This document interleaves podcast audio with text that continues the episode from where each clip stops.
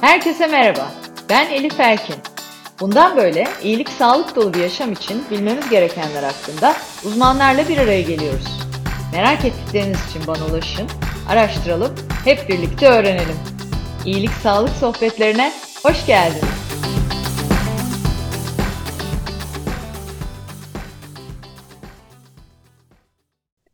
İyilik Sağlık Sohbetlerinin yeni bölümüyle karşınızdayım. Bu bölümde konuğum dünyanın en deneyimli uzman cerrahlarından biri olan Profesör Doktor Fatma Tülin Kayhan. Sevgili Tülin Hocam, davetimizi kabul ederek geldiğiniz için teşekkür ederim. Ben de teşekkür ediyorum. Çok sağ olun. Davet ettiğiniz için ayrıca çok teşekkür ederim. İlgiyle dinliyoruz podcastlerinizi. Çok teşekkürler. Şimdi e, sohbetimize geçmeden önce sizi kısaca dinleyenlere tanıtmak istiyorum. E, gururla diyeceğim. E, Profesör Doktor Fatma Tülin Kayhan Ege Üniversitesi Tıp Fakültesinden 1990 yılında mezun olmasının ardından Bezmi Alem Akıf Buraba Hastanesi Kulak Burun Boğaz Kliniğinde uzmanlık eğitimini tamamladı. E, ardından doçentlik ünvanını 2004 yılında, 2010 yılında da profesörlük ünvanı aldı. Farklı hastanelerde çalışmanın yanı sıra eş zamanlı olarak 2005-2008 yılları arasında bir de İl Sağlık Müdür Yardımcısı e, görevini e, üstlendi. E, 1996 yılında e, Boston'da Harvard Tıp Fakültesi Massachusetts Göz ve Kulak Enstitüsü'nde Research Fellow araştırmacı ünvanıyla çalıştı. Otoloji yani yani kulak hastalıkları, burun ve sinüs hastalıkları, pediatrik otolaringoloji yani çocuk kulak burun boğaz hastalıkları alanlarında çalışarak bilimsel araştırmalar yaptı. Ardından Minnesota Üniversitesi Temporal Kemik Laboratuvarı'nda yine araştırmacı olarak insan kulağının histopatolojisi üzerine çalıştı. Ee, 2008 yılında e, Fransa'da Strasbourg'da İRCAD Robotik Cerrahi Eğitim Merkezi'nde Da Vinci transoral robotik cerrahi eğitimini aldı. E, da Vinci ve robotik cerrahi hayatımıza girdi o yıllarda hatırlıyorum. Gerçekten çok mucizevi bir şey gibi geliyordu. Şu an e, oldukça yaygınlaştı ve çok insana e, iyilik, sağlık getiriyor diyelim. E, ülkemizde de e, Tülin Hocam yerli ve yabancı e, uzmanlara, kulak burun boğaz hastalıkları, baş boyun cerrahisi uzmanlarına transoral robotik cerrahi eğitimleri veriyor ve günümüzde 500'den fazla başarılı cerrahi vaka serisiyle dünyanın en deneyimli uzman robotik cerrahlarından e, gerçekten gurur verici. Hem bir tür çok teşekkür ederim. Türk olarak hem bir kadın olarak bizim için e, diyebilirim. E, akademik çalışmaları Tülin Hocam'ın tabii çok sayıda mevcut. İngilizce, Türkçe pek çok kitap ve bilimsel dergide editörlük, makale yazarlıklarıyla devam ediyor. E, o, Olgularla Kulak Burun Boğaz Hastalıkları adlı Türkçe kitabın editörü ve yazarı. E, yine e, All Around the Nose, Basic Science, Diseases and Surgical Management isimli İngilizce yazılmış, Elsevier tarafından basılmış, uluslararası yazarlar tarafından hazırlanmış kitabın yazarı, bölüm yazarı. E, gibi gibi yani saymakla bitmez. Ben sizle sohbet etmek istediğim için hani bütün bunların gerçekten e, inanılmaz sayıda e, hani sadece işinizi yapmakla kalmayıp bir de bunu diğer insanlara da fayda yaratacak şekilde bildiklerinizi paylaşmanız muazzam hocam. Hani bence bu çok kıymetli. Buna vakit yaratabilmek de çok kıymetli. Güncel e, 81 uluslararası 63 ulusal bilimsel makaleniz bulunuyor. Evet. Yani sorulara geçmeden şunu soracağım. Nasıl oldu? Bunlar. Nasıl e, bunlara zaman buluyorsunuz? E, bir de kongrelerde davetli konuşmacı olarak e, varsınız. Bilimsel toplantılarda, danışma kurullarındasınız. Deneyimlerinizi meslektaşlarınızla da paylaşmak için evet. gerçekten birbirinden değerli pek çok çalışma var. Nasıl? Çok teşekkür ederim. Çok sağ olun. Şimdi bunları böyle alt alta yazınca gerçekten çokmuş gibi geliyor ama e, hayatın içinde e, koşuştururken ortaya çıkmış ama herhalde e, en önemli faktör sevmek. E, ben bütün bu şeyleri yaparken e, kendimi ilk önce hep bilim adamı olarak gördüm. Hatta üniversite e, şeyine sınavında bir bölüm yazarken e, yani ben e, bir işte memur çocuğu olarak hem hayatımı kazanabileceğim hem de e, bilim adamlığı yapabileceğim. Lisedeki TÜBİTAK proje yarışmasıyla başlamıştı bu bilim adamlığı serüvenim. e, hem bilim adamlı olarak e, devam ettirebileceğim bir alan seçmek istedim. Tıbbın da bu iş için en uygun olduğunu gördüm. E, hem e, akademik e, çalışmalarımı gerçekleştirebildim. Hem işte işimizi yaptık, mesleğimizi kazandık, evimize ekmek götürdük öyle ederler. Hepsi evet, birlikte evet. oldu ama tabii bunların en önemlisi ee, çok severek yapıyorum yani. E, tıbbı çok seviyorum. Kulak burun boğazı çok sevdim. E, bilimsel eser yazmayı çok seviyorum. Şu an ben işte profesörüm hatta emekli oldum artık ama hala ben kitap yazıyorum chapter yazıyorum ve e, bilimsel yazı yazıyorum. Buradaki ana motivasyonum bilimsel çalışmalar yaparken genelde meslektaşlarımız da bir işte ünvan bilimsel akademik ünvan için yaparlar bu işi ee, ben onun için değil de gerçekten dediğiniz gibi çok güzel bir tespit ettiniz. Bilgilerimi meslektaşlarımla, diğer e, dünyadaki meslektaşlarımla paylaşmak için yaptığım için bu bilimsel aktiviteleri e, yapıyorum. Yazma, çizme işini yapıyorum.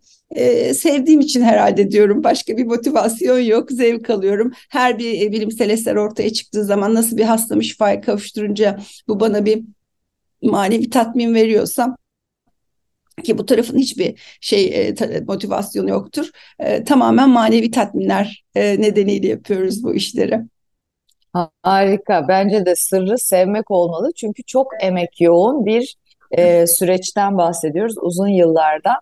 E, şimdi e, hani sizi bulmuşken e, dünyanın en deneyimli robotik cerrahlarından birisiniz gerçekten. E, robotik cerrahi ile uyku apnesini özellikle aslında konuşmak istedim. Çünkü bu konuda çokça soru geliyor. Yani uyku biliyoruz ki iyiliğimiz, sağlığımız için düzenlememiz, kontrol etmemiz e, doğru, e, kaliteli bir şekilde e, uygulamamız gereken en önemli faktörlerden biri.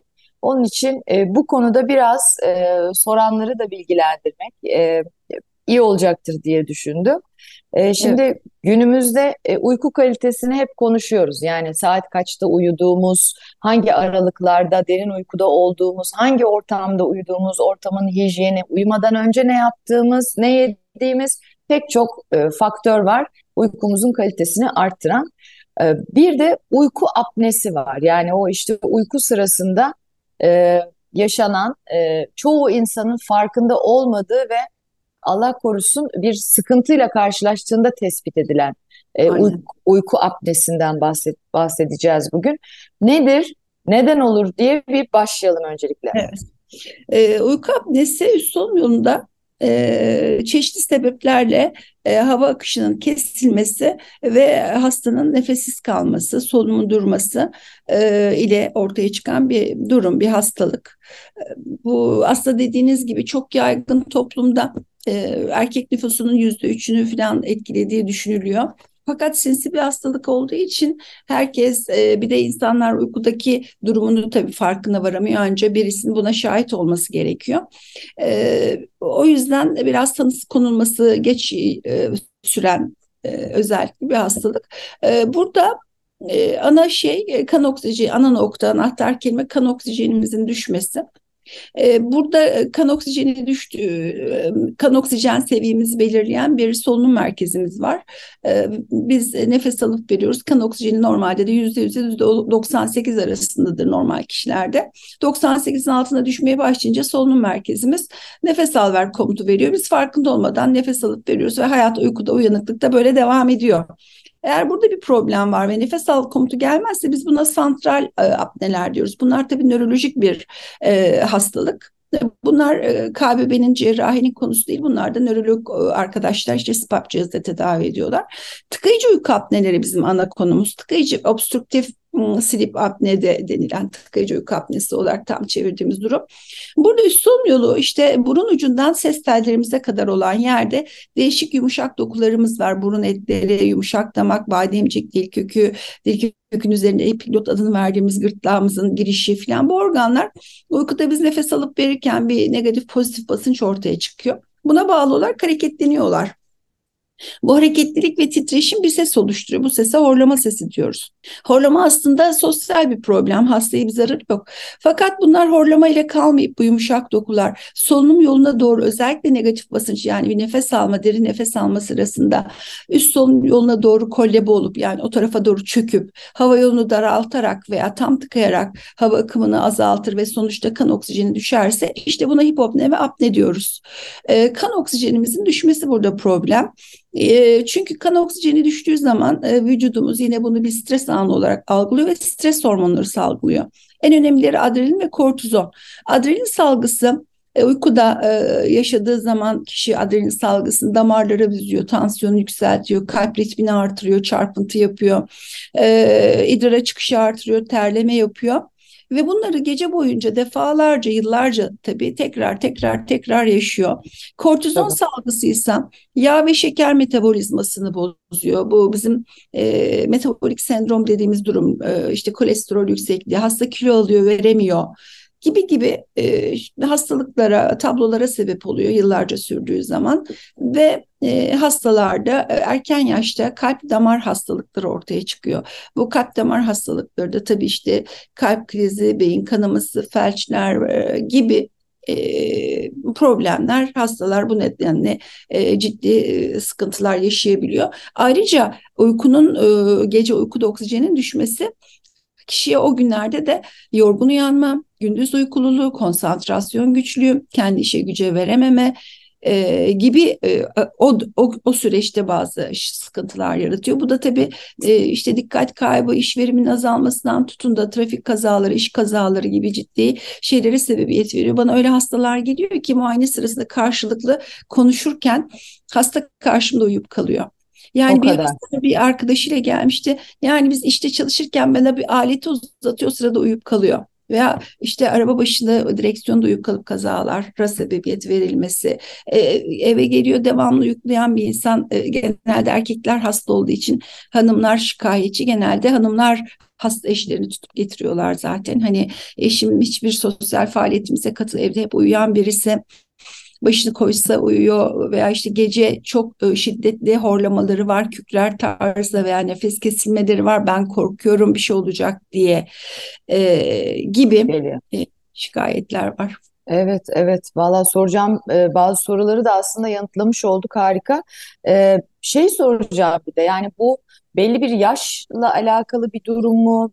Hani bu hastalık genetik bir etkiler var mı oluşmasında? Güzel bir noktaya değindiniz. E, yani toplumda veya hatta bilim adamları bile ben şu bu işte çok uğraşıyorum. E, gördüğüm şeyleri bilimsel kitaplarda, kongrelerde yazsam da bunu bütün hani e, tıp camiasında açıklamak çok zor oluyor.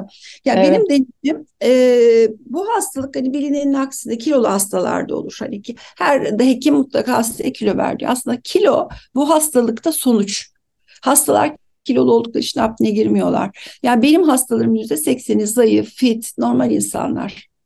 Yani bu Aa. hastalık aslında e, hasta uzun süre bu hastalığa maruz kalınca kortizon deşarjları filan sonrası kilo alıyor ve veremiyor zaten. Şimdi buradaki evet. en önemli faktör benim tespit ettiğim en önemli faktör anatomik yapı. Ee, üst solunum yolunun anatomi yapısı ile ilgili olan bir problem bu. Ee, burada e, anatomik yapıyı çok iyi değerlendirmek gerekiyor. İskelet e, ve yumuşak doku anatomisi ile ilgili. Bazı kişilerde üst solunum yolu iskeleti çok önemli mesela. Onu da e, vurgulamak isterim. Çocuklarda bu ortodontik problemlerin baştan çözülmesi lazım ki ileride bu kişiler e, apne hastalığına e, maruz kalmasınlar ondan e, ona yakalanmasınlar. Mesela üst sol yolumuz oluşturan çene eklemimiz, damak filan kemik yapımız var. Eğer bazı kişilerde bu kemik yapı dar oluyor İçerideki yumuşak dokular yani dilin büyüklüğü, bademcin büyüklüğü filan onlar normal de olsa e, bu yumuşak dokular bu kişiye büyük geliyor ve tıkanmaya sebebiyet veriyor. E, veya iskelet yapı normal oluyor. içerideki yumuşak dokular e, aşırı büyük oluyor. Çenesi geniş, e, damak yapısı normal. Fakat kocaman bir dil kökü bademci var işte dili büyük e, bademcikler büyük gibi gibi. Yani burada bir orantı söz konusu. Eğer kişinin iskelet yapısıyla yumuşak dokusunun anatomisi uyumsuzsa ve tıkanmaya sebep olacak bir yapıya sahipse hastalarda maalesef uyku apnesini görüyoruz. Evet.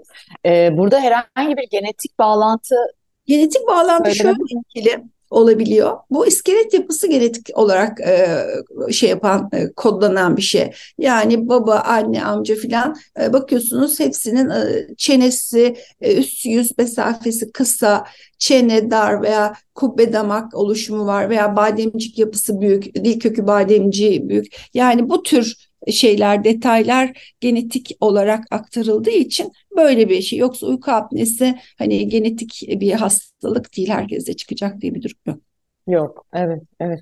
Ee, şimdi şeyi de anlamış olduk yani horlama ve uyku apnesi aynı şey değil. Ee, ve de evet, hani... horlama, horlama şöyle, horlama uyku apnesinde mutlaka olmasını beklediğimiz bir e, bulgu horlama tek başınaysa, apne yapmıyor, oksijen düşürmüyorsa bu sosyal bir problem. Biz buna basit horlama diyoruz. Basit horlamayı da yine tedavi ediyoruz. Cerrahi tedavilerimiz var tıkanma seviyesine göre. Ama uyku apnesinde üç tane ana temel e, şeyimiz var. Şikayet veya bulgumuz var. Bunun bir tanesi horlama. İkincisi e, tanıklı apne dediğimiz sizi izleyen birisi uykuda nefes kesilmelerine şahit oluyor.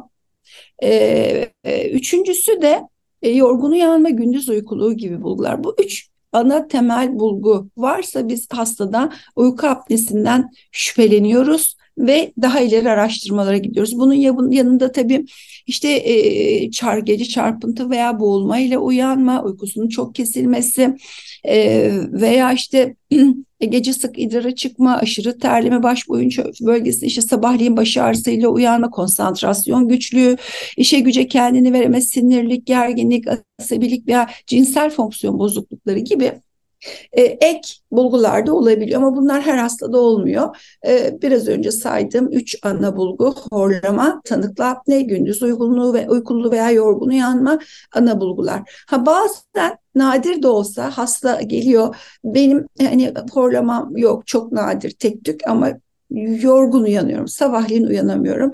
E, bu hastalarda hatta bazen uyku testi de yaptırıyoruz. Onda da sonuçlar normal sınırlarca. Bu hastalarda daha farklı anatomik üst e, gırtlak seviyesinde falan daha farklı anatomik yapı bozuklukları da tespit edebiliyorum. Evet, e, bu durumda tabii hani anatomik bozukluktan sebepse e, tedavide cerrahi müdahale evet, e, evet. gerekiyor. Problemi ortadan kaldırıyorum aynen robotik cerrahi ile tedavi konusunda biraz bilgi alabilir miyiz? Şimdi insanı tabii biraz da ürküten bir şey. Hani alt tarafı horluyorum ya da evet bir nefesim kesiliyor ama ondan sonra yola devam ediyorum. Şöyle e, Elif Hanım e, en önemli tarafı bu zaten hastalığın. Yani hastalar bir kere kendi hastalığın ciddiyeti konusunda hele bazı insanın bu oksijen düşmesine toleransı da farklı. E, gece uykunuzda ne kadar çok %90'ın altında oksijenle yaşıyorsanız e, veya ne kadar çok bu oksijen kesilmeleri oluyorsa çünkü vücutta oksijen düştüğü zaman bizim erazul e, dediğimiz Türkçe'de ilkilme olarak aktarabileceğimiz bir durum yaşıyor hastalar. Her oksijen kesik eksikliğinin, apnenin arkasından beynimiz uyan boğuluyorsun diye bir şey gönderiyor, mesaj gönderiyor ve hasta irkilerek kaslarını toplayarak diye derin bir nefes alarak e, uykuya devam ediyor. Bu bilinç düzeyine gelmiyor ama e, bilinç altında bir sürü böyle uyku boyunca e, uyanıklık reaksiyonları, irkilme reaksiyonları gösteriyor. Tabii bunlar uykunun bütünlüğünü bozduğu için sabah bu kişi yorgun uyanmış, uykusunu alamamış e, ve gündüz uykululuğuna maruz kalıyor. Yani düşük oksijen ve sık sık bu irkilmeler, irkilerek uyanmalar, uyanıklık reaksiyonları hastanın uyku kalitesini bozuyor. Hastalar en çok bunu fark ediyorlar. Diğer türlü horlamalarının farkında değiller, nefes kesilmelerinin farkında değiller. Onu tanıkları, işte yatak arkadaşları, e, eşleri veya onları ailede izleyen kişiler buna şahit oluyor ve onlar uyarıyorlar. E, hastalar bunun çok farkında olmuyorlar maalesef ki. E, durum böyle. O yüzden de muhtemelen hani cerrahi dendiğinde yok canım ne gerek var gibi ya da eşler niye Evet, niye böyle bir risk alayım e, gibi de düşünüyor olabilirler. Bir o robotik cerrahiyi hani biraz daha sizden dinlemeden önce şeyi de soracağım. Yani burada e, hani uyku apnesi olan kişilerde bir kere yaşam kalitesi muazzam düşük oluyor. Hepsini de çok güzel anlattınız. Burada çoğu e, semptomu aslında yaşamlarımızda görüyoruz. Yani bazen mesela bazı günler ben de yani kronik bir yorgunluk hissediyorum. Hani farklı nedenleri de olabilir ama nedenlerinden biri bu da olabilir ve farkında olmayabiliriz de bir hatırlatmış olalım Evet, dinleyenlere. evet, Yani bu evet. gözle de bir Aynen öyle. kendilerine baksınlar. Ee, o Ya mesela de ciddiye alsınlar. Mesela bana, bana şöyle nadir hastalar, hasta panik atak tedavisi görüyor. Geliyorlar biz panik atak tedavi. Hastaların zaten bayağı bir, bir kısmında, şimdi oran tam veremesem de yüzde belki 15-20'si diyebileceğim bir oranda panik atak tedavisi geliyor. Daha fazlası depres antidepresan kullanıyorlar. Çünkü işte yorgun kalkıyorlar, böyle hayata bağlı değiller, mutsuzlar, umutsuzlar, e, uykulular falan böyle. E, bir türlü hani halk arasında afyonu patlamamış dediğimiz insanlar Evet. Bunlar e, ilaç kullanıyor oluyorlar. Ben araştırdığım zaman panik ataklarının altında e, uyku apnesi buluyorum. Bu işte uykuda e, boğulma hissiyle uyanmaların altında yatan sebepler. Şimdi e, tedavisine gelince hastalığın, uyku apne hastalığın oradan da robotik cerrahiye geçeceğim. E, uyku apne hastalığının tanısında bir kere muayene çok önemli. E, işte e, hikayesi çok önemli. Arkasından bizim polisomnografi testi dediğimiz bir testimiz var. Bir gece uyku laboratuvarında yatıyorlar. Bu test çok önemli. Çünkü burada santral apnemi tanı, e, tıkayıcı apnemi ameliyatlık bir hasta mı değil mi? Bunun ayrımını yapabiliyorum. Ameliyattan yararlanacak bir hasta mı değil mi? Çünkü gerçekten boş yer ameliyat olmuş hastalar var. E, benim e, buradaki uyku apnesi tedavisindeki ana mottom şu. Doğru hastaya, doğru yerlere, doğru ameliyatların iyi bir şekilde yapılması gerekiyor. Bu zincirde bir bozukluk olursa hasta ameliyattan yararlanıyor. Hastanın tedavisi doğru olmuyor. Sonuçta da hastalar ortada bir sürü ameliyat oldum ama iyileşmedim diyen insanlarla dolu oluyor. Şimdi hasta seçimi çok önemli. Her hasta ameliyattan yararlanmıyor. Bazı hastaların bizim SPAP dediğimiz cihazla uyumaları gerekiyor. Asıl tedavisi oluyor. O yüzden hasta seçimi önemli. Burada işte bu testleri yapıyorum, muayeneleri yapıyorum. Ee, ikincisi e, bu hastalarda doğru yere ameliyattan kastedin. Ben mesela bu hastalıkla ilgili toplamda 25 çeşit ameliyat yapıyorum. Bunlardan bir kısmı robotik cerrahi. Burada e, her hastaya standart böyle bir ameliyatımız yok maalesef ki. Mesela bir bademcik ameliyatının standart ameliyatı bademcik ameliyatı her yerde herkes aynı şekilde yapılır. Ama uyku apne hastalığının cerrahi tedavisi böyle değil. Çünkü e, burada e, bir e, uyku apne hastalığı kompleks bir hastalık, karmaşık bir hastalık. Burada 2 2 daha 4 etmiyor. Çok değişik faktörler etkili ve kişisel bir de heterojen bir hastalık. Yani hiçbir hasta hiçbir hastaya benzemiyor. Her hastanın anatomik yapısı farklı. farklı. Her hastanın nörolojik yapısı farklı. Ben her gün onlarca hasta bakıyorum ama hiçbir hastam hiçbir hastama benzemiyor. Ben hiçbir hastaya aynı ameliyatı yapmıyorum. Her hastanın anatomik yapısı farklı olduğu için. Bu çok önemli. Başarı için buradaki deneyim o yüzden önemli. Ee, doğru hastaya doğru yerler dedim. İşte hasta seçimi, muayene artı uyku testlerinin değerlendirilmesi. Bu sefer ameliyatı nereye yapacağız? Şimdi normalde hastayı uyanıkken muayene ettiğiniz zaman kabaca bir fikir alıyorsunuz. Büyük bademci varsa onu görüyorsunuz. Dil kökü bademci onu görüyorsunuz ama diğer türlü şeyi göremiyor. Çünkü hasta uyanık ve kaslar sağlam. Ben bir cerrahi planlayacaksam nereye nasıl bir ameliyat yapacağımı uyku endoskopisi adı verdiğim bir işlemle karar veriyorum. Hmm. Bu şu demek ameliyathane şartlarında hastayı kontrollü olarak ilaçla uyutup o sırada ama bu anestezi değil e, flexible nazofaringoskop dediğimiz bir endoskopi ile nereler tıkanıyor ne oluyor nasıl bir tıkanma var bunu gözlemliyorum kayıt altına alıyorum ondan sonra ameliyatına karar veriyorum. E, bu da benim için e, başarı e, başarı sonuçlarımdan en önemlisi.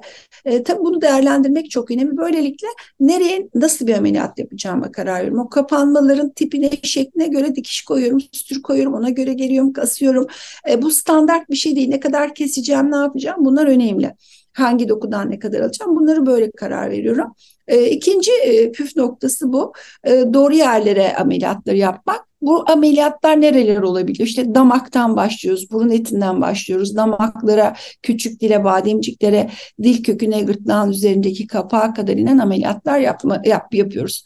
Eskiden robotik cerrahi olmadan önce veya sadece kısmi bir şeyse tabii ben bu yöntemleri hala kullanıyorum işte lazerle, koblatörle, radyo frekans gibi bizim e, elektrik teknolojik şeylerimiz var, aletlerimiz var. İşte e, teknolojik e, şeyler kullanıyoruz. İşte kesme, biçme, yakma gibi amaçla. Evet. E, onlar bir kısmı yardımcı oluyor ama bu hastaların özellikle ağır uyku apnesi hastaların yani saatte 30'dan fazla nefes süren hastalarda genellikle problem e, şu bölgede yani dil kökü hipofarenks dediğimiz dil kökü ve gırtlak bölgesinde.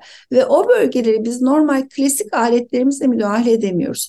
Çok eski 30-40 yıl önce buralara açık cerrahi yöntemler uygulamaya çalışmışlar. Ama iyi huylu bir hastalık için o bölgeye keserek işte bir kanser cerrahisi gibi ameliyatlar yapmayı da insanlar çok e, şeyli bulmamış. Hekimlerde hastalarda e, bunu pek e, tutmamış öyle diyeyim. Evet, öyle, evet. Bu hastalar tedavisi kalmış. Robotik cerrahi işte burada devreye giriyor. Robotik cerrahi ağız yoluyla dil kökü ve gırtlak bölgesine ulaşmamız sağlıyor. Aslında transoral robotik cerrahi Da Vinci e, ilk ortaya çıkarılması bir e, uzay e, projesi belki de duymuşsunuzdur. Evet işte bir uzay projesinde uzaydaki araçları e, astronotların e, dünyadan tamir etmesi için ortaya çıkmış. Sonra işte savaşlarda askerleri işte evindeki şeyler cerrahlar uzaktan tedavisini diye geliştirilirken e, Da Vinci robotu ortaya çıkmış. E, bir me, mekanik e, bir alet e, teletip uygulaması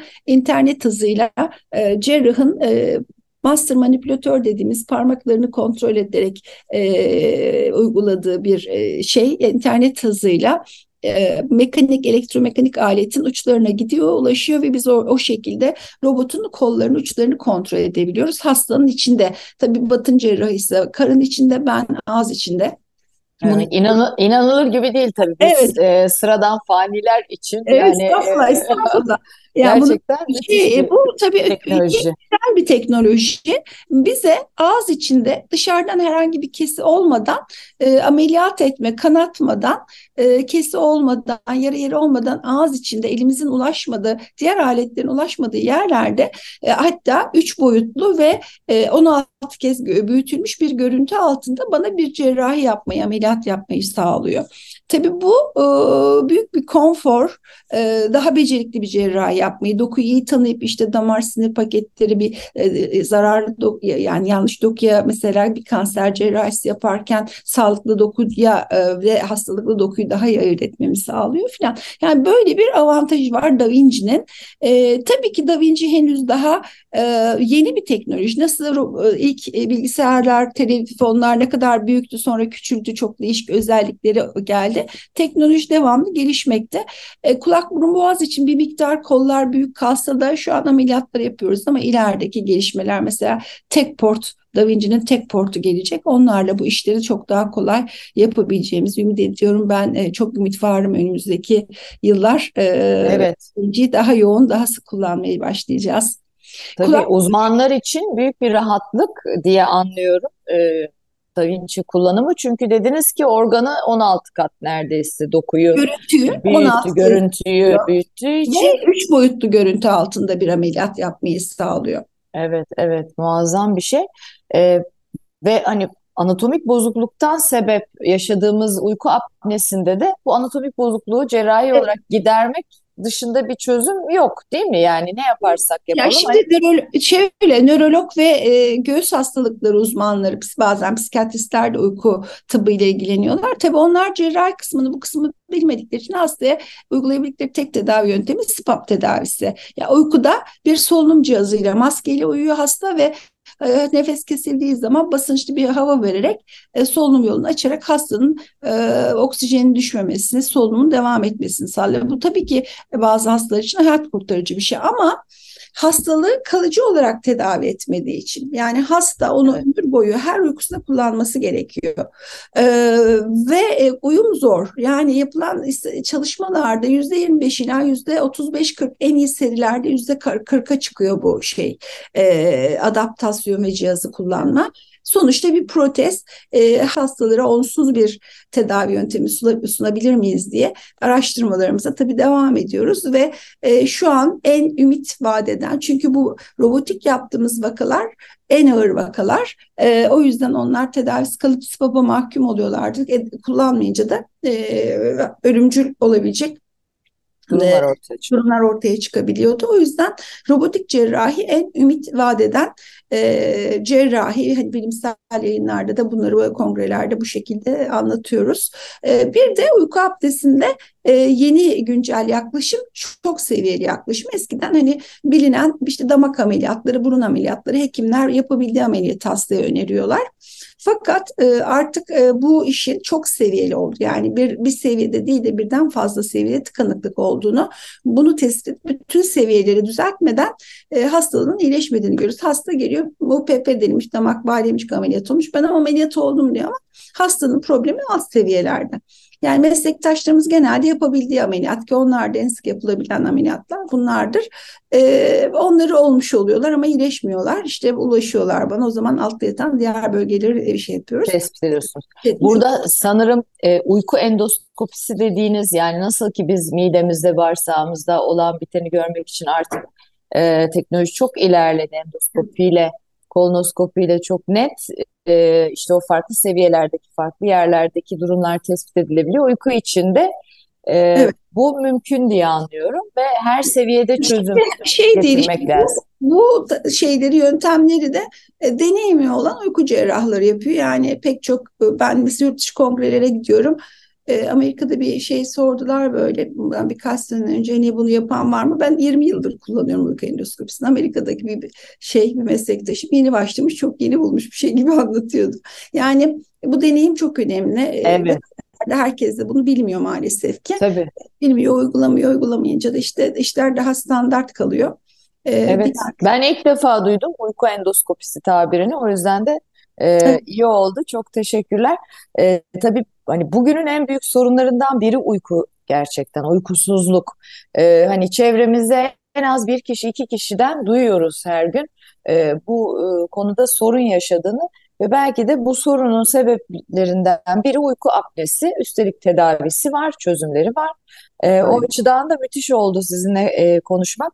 Peki robotik cerrahi sonrasında e, tekrar ortaya çıkma gibi bir durum olabiliyor mu uyku apnesinde? Şimdi şöyle sadece robotik cerrahi değil de cerrahi tedaviyle hani ne kadar başarı oranımız diye düşünelim. Çünkü robotik cerrahide uyguladığımız cerrahi yöntemlerinden bir tanesi. Doğru. Ee, şöyle e, işte doğru hastaya doğru yerlere yapılmış cerrahi tedaviden sonra e, hastalık tekrar benim e, şimdi kompleks hastalar dedim bunlar. Hani hastalık kompleks bir hastalık olduğu için yüzde yüz bir apandis safrakis değil seni alırım biter iş diyemiyoruz maalesef ki. Hastalık tablo da değişti. Şimdi benim çok geniş bir serim var ve ben hastalarımı çok yakın takip eden bir hekimim. Öncesi sonrası bütün muayenelerim hepsi kayıt altındadır. O yüzden tabii her hastadan da bir şey öğreniyoruz. Ee, şimdi hastalarımın benim yaptığım istatistiksel son, son, e, sonuçlarımla çünkü bilimsel çalışmalar için ben bu istatistiklerimi de çok yakın tutuyorum. Ee, burada amacımız bizim e, şöyle sınıflandırıyoruz hastalığı. Saatte 5 tane normal, 5-15 hafif, 15-30 orta 30'un üzerine ağır apne diye kabul ediyoruz. Ve ameliyatlardaki hedefimiz saatte 15-20'nin altına düşürmek. E, dünyada 60 üzerine ameliyat eden hekim yok. Ben 100, 110, 120, 130'lar ameliyat ediyorum. E, başarıyla. Harikasın. Hiç evet. şey, şey oluyor. Ancak ben hani tedavi edilebilecek olduğundan e, görerek emin olmam lazım. Benim için hastalığın ağırlığı, hastanın kilosu, ıvır zıvırı önemli değil. Ben hani hastalarımın e, bir şekilde ameliyat edebiliyorum.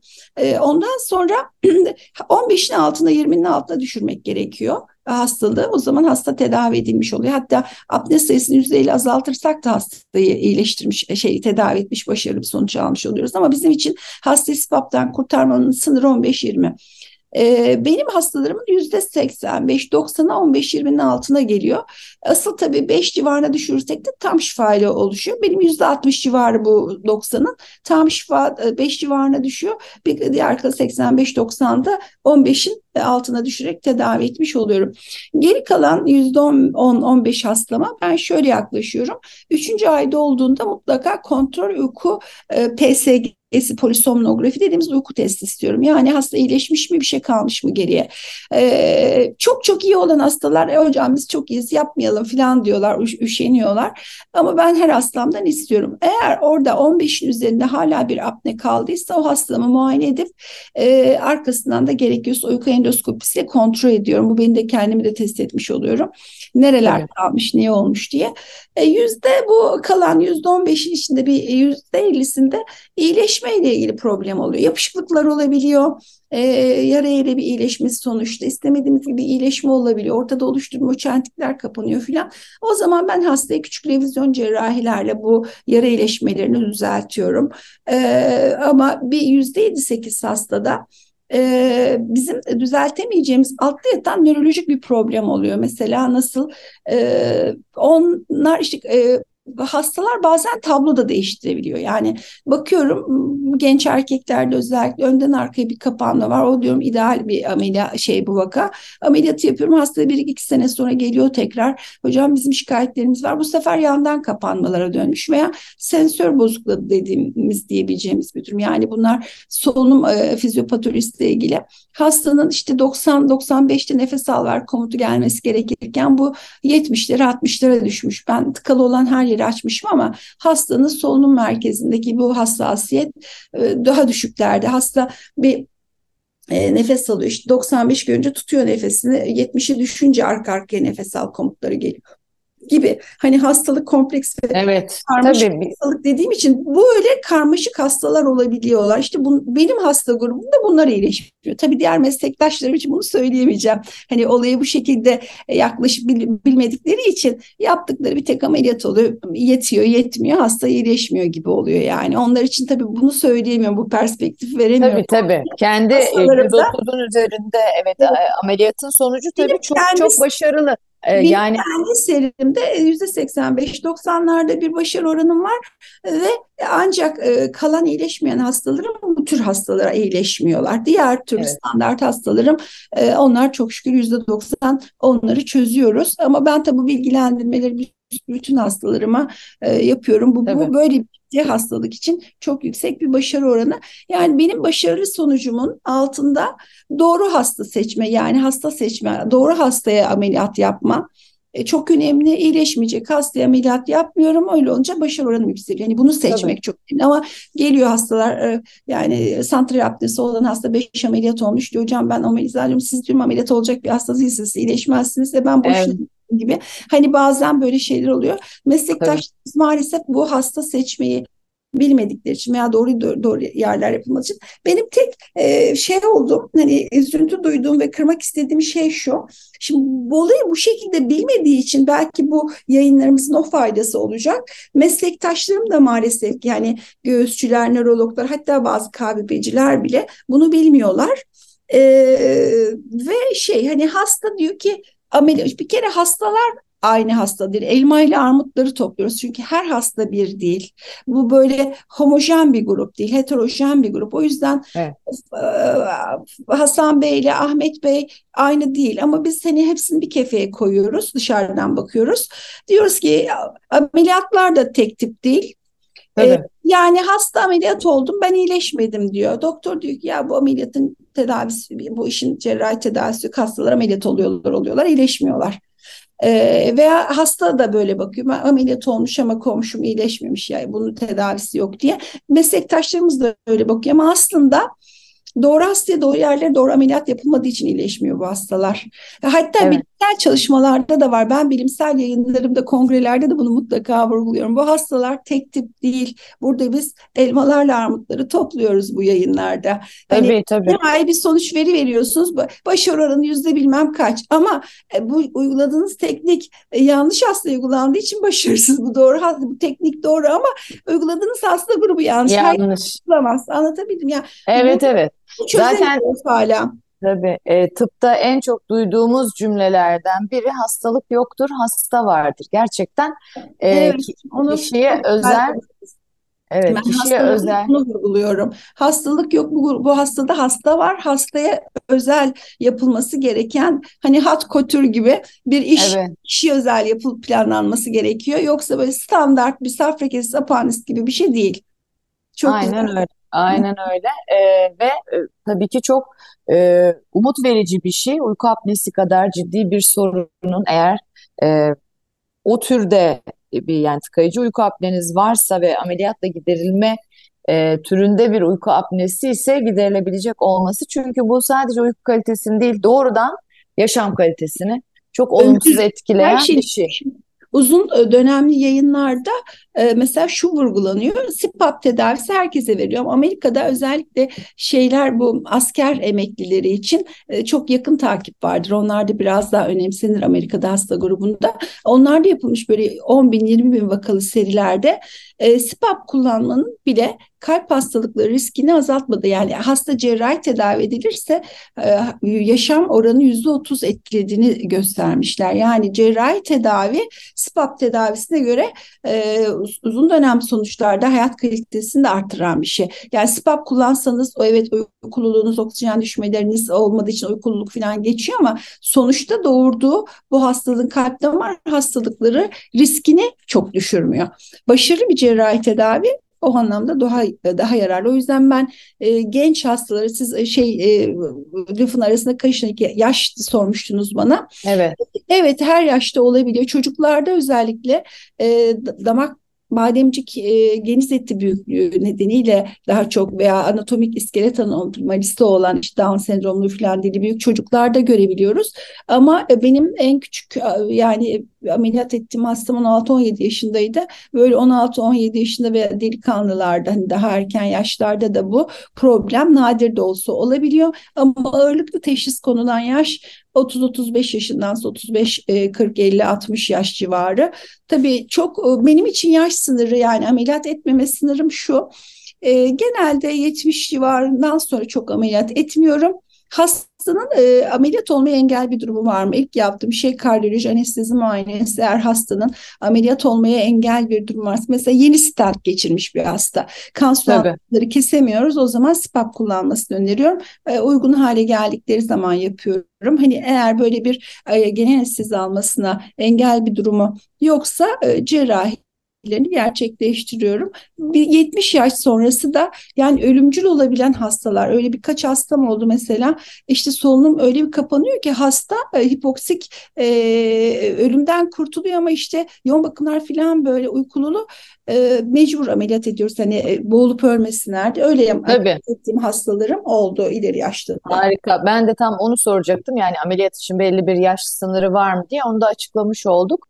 Ee, çok teşekkürler. Çok e, detaylı, çok faydalı bilgiler oldu. Bir kere herkese diyoruz ki horlama e, eşinizden, aile, aile bireylerinizden, oda arkadaşınızdan bir tanıklı apne durumu, e, sürekli yorgun uyanma, e, gündüz uykulu olma hali varsa mutlaka ama mutlaka e, bir hekime danışın. Uyku apnesi olabilir. E, belki de bu nedenle kilo alıyor olabilirsiniz. Ee, evet. Belki de bu nedenle konsantre olamıyor olabilirsiniz. Başınız bu yüzden ağrıyor olabilir. Hatta panik atak ve depresyonunuzun altında dahi uyku apnesi olabilir.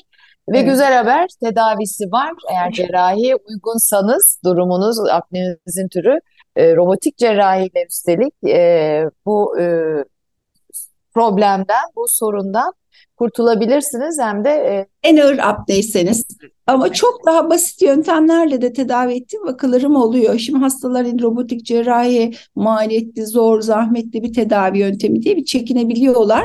Ama gerçekten çok daha kolay. Yani bir 30-35 dakikada bitirdim. Çok ciddi apneleri çözdüm. Ameliyat tekniklerim de var. Ama bunlar tabii izole Tabii farklı hepsi kişiye özel yani e, uygulanan. Hani korkmayıp bir değerlendirmek gerekiyor. Evet, kesinlikle. E, Valla son soruya geldik. Buyurun. E, uyku apnesiyle ilgili yani notlar alarak dinledim. E, çok da kıymetli bu bilgiler. Eminim dinleyenler için de öyle olmuştur. Hele ki uyku apnesi ya da uykuyla ilgili herhangi bir problem yaşayanlar için. E, son sorumu e, tüm konuklarıma soruyorum. Aynı soruyu. E, sizin iyilik sağlık rutininiz nedir? Onu öğrenebilir miyiz? E, şey hekimler olarak bizler çok aslında e, çok yoğun çalıştığımız için kendimize çok fazla vakit ayıramıyoruz aslında. E, böyle çok büyük rutinlerim yok ama en az haftada bir kez bir 10 yıldır pilates yapıyorum. Yani biraz böyle yaş almaya başlayınca e, iskeletimi, e, bağ dokumu koruyabilmek için, esnekliğimi koruyabilmek için, postürümü koruyabilmek için e, reformer pilates yapıyorum. Onun çok faydasını görüyorum. Bazen hani bir kongre tatil nedeniyle ara verirsem hemen ihtiyaç hissediyorum. Hemen hocama gidiyorum diyorum. Ya bu hafta vücut istiyor. Diye vücut istiyorum. E, ondan çok fayda görüyorum ama Ee, tabii yeme alışkanlıkları bence çok önemli. Ben hayatım boyunca kilo problemi olmayan bir insan oldum. Herhalde sebebi de aslında Egeliyim. Akdeniz mutfağına bağlıyorum. Ee, biz pilava bile, keke bile zeytinyağı koyan bir aileden geldim. Yani böyle şeyimiz e, zeytinyağı işte e, sebze, ot yemekleri filan. Hani et evet. et olarak yiyen ama ağırlıklı şey yani sebzeyle beslenen, zeytinyağıyla beslenen bir şeyim. Akdeniz mutfağımız var e, evimde de. E, belki Harika. o etkili. Biz tabii çocukluğumuzda hep şey böyle işte dut kurusuyla pekmezle filan büyüyen bir jenerasyonuz. Böyle çikolatadır, koladır, işte böyle yapay şeylere ben kişisel olarak çok alışkın değilim. E, alıp tüketmiyorum. Yani işte bir şey, bir şey içeceksem ya su içiyorum ya maden su içiyorum ya ayran içiyorum. Ee, ne şalgamsı böyle hani kolaydı sodaydı şimdi biraz e, gençlerin çok da şey yaptıkları e, şeyler var. E, onlara çok şey değilim hiç, hiç kullanmıyorum gibi bir şey. E, o yüzden e, bunlarla böyle şey problemlerim olmadan e, bu zamana kadar geldik. Ama mesela e, halk sağlığı açısından şeyi vurgulamak isterim. E, şimdi gençler bu kulaklıklarla çok şey dinliyorlar, müzik dinliyorlar. E, yüksek sesle kulaklık kullanım e, akustik travmayla ses kulaklarda işitme kaybı yapabiliyor. Çınlamalar falan kalıcı olabiliyor. Hani e, böyle gençler dinliyorlarsa e, evet. Onlara hani böyle bir mesaj vermek isterim. Koruyucu sağ hekimlik açısından. Harika, harikasınız. Evet, evet çünkü sürekli kulaklıklalar hatta trafikte de görüyoruz. Bizim çocuklar Aynen. da öyle. E bu sefer iç kulağa ya çok yakın olduğu için akustik travmaya çok müsait. O yüzden e, düşük çok düşük tonla dinlemek lazım. Bir süre sonra yıllar sonra yani akustik travma ortaya çıkarabilir. Onların geri dönüşümü de yok yani o yüzden korumak lazım. Biz en çok evet. onu Tabii silah, e, polis, asker falan onlarda es çok görüyoruz eskiden. E, meslek erbabı olarak onlar akustik travma yapıyor ama şimdi de bu yüksek ses kulaklıkla yüksek müzik dinlemede bu sebeplerden biri olarak görüyoruz. Evet çok önemli bir e, uyarı oldu bence. Umuyorum ki dinleyenler de hem kendileri için hem e, çocukları için e, bu uyarıyı da duymuş olsunlar. Çok teşekkürler. Valla iyi ki geldiniz. Ee, çok kıymetli bilgiler verdiniz. Ee, ben çok teşekkür ediyorum. Allah yararlı olur. Çok teşekkür ediyorum davetiniz için Elif Hanım. İnşallah yararlı olur. Görüşmek üzere. Görüşmek üzere. Hoşçakalın. Hoşçakalın.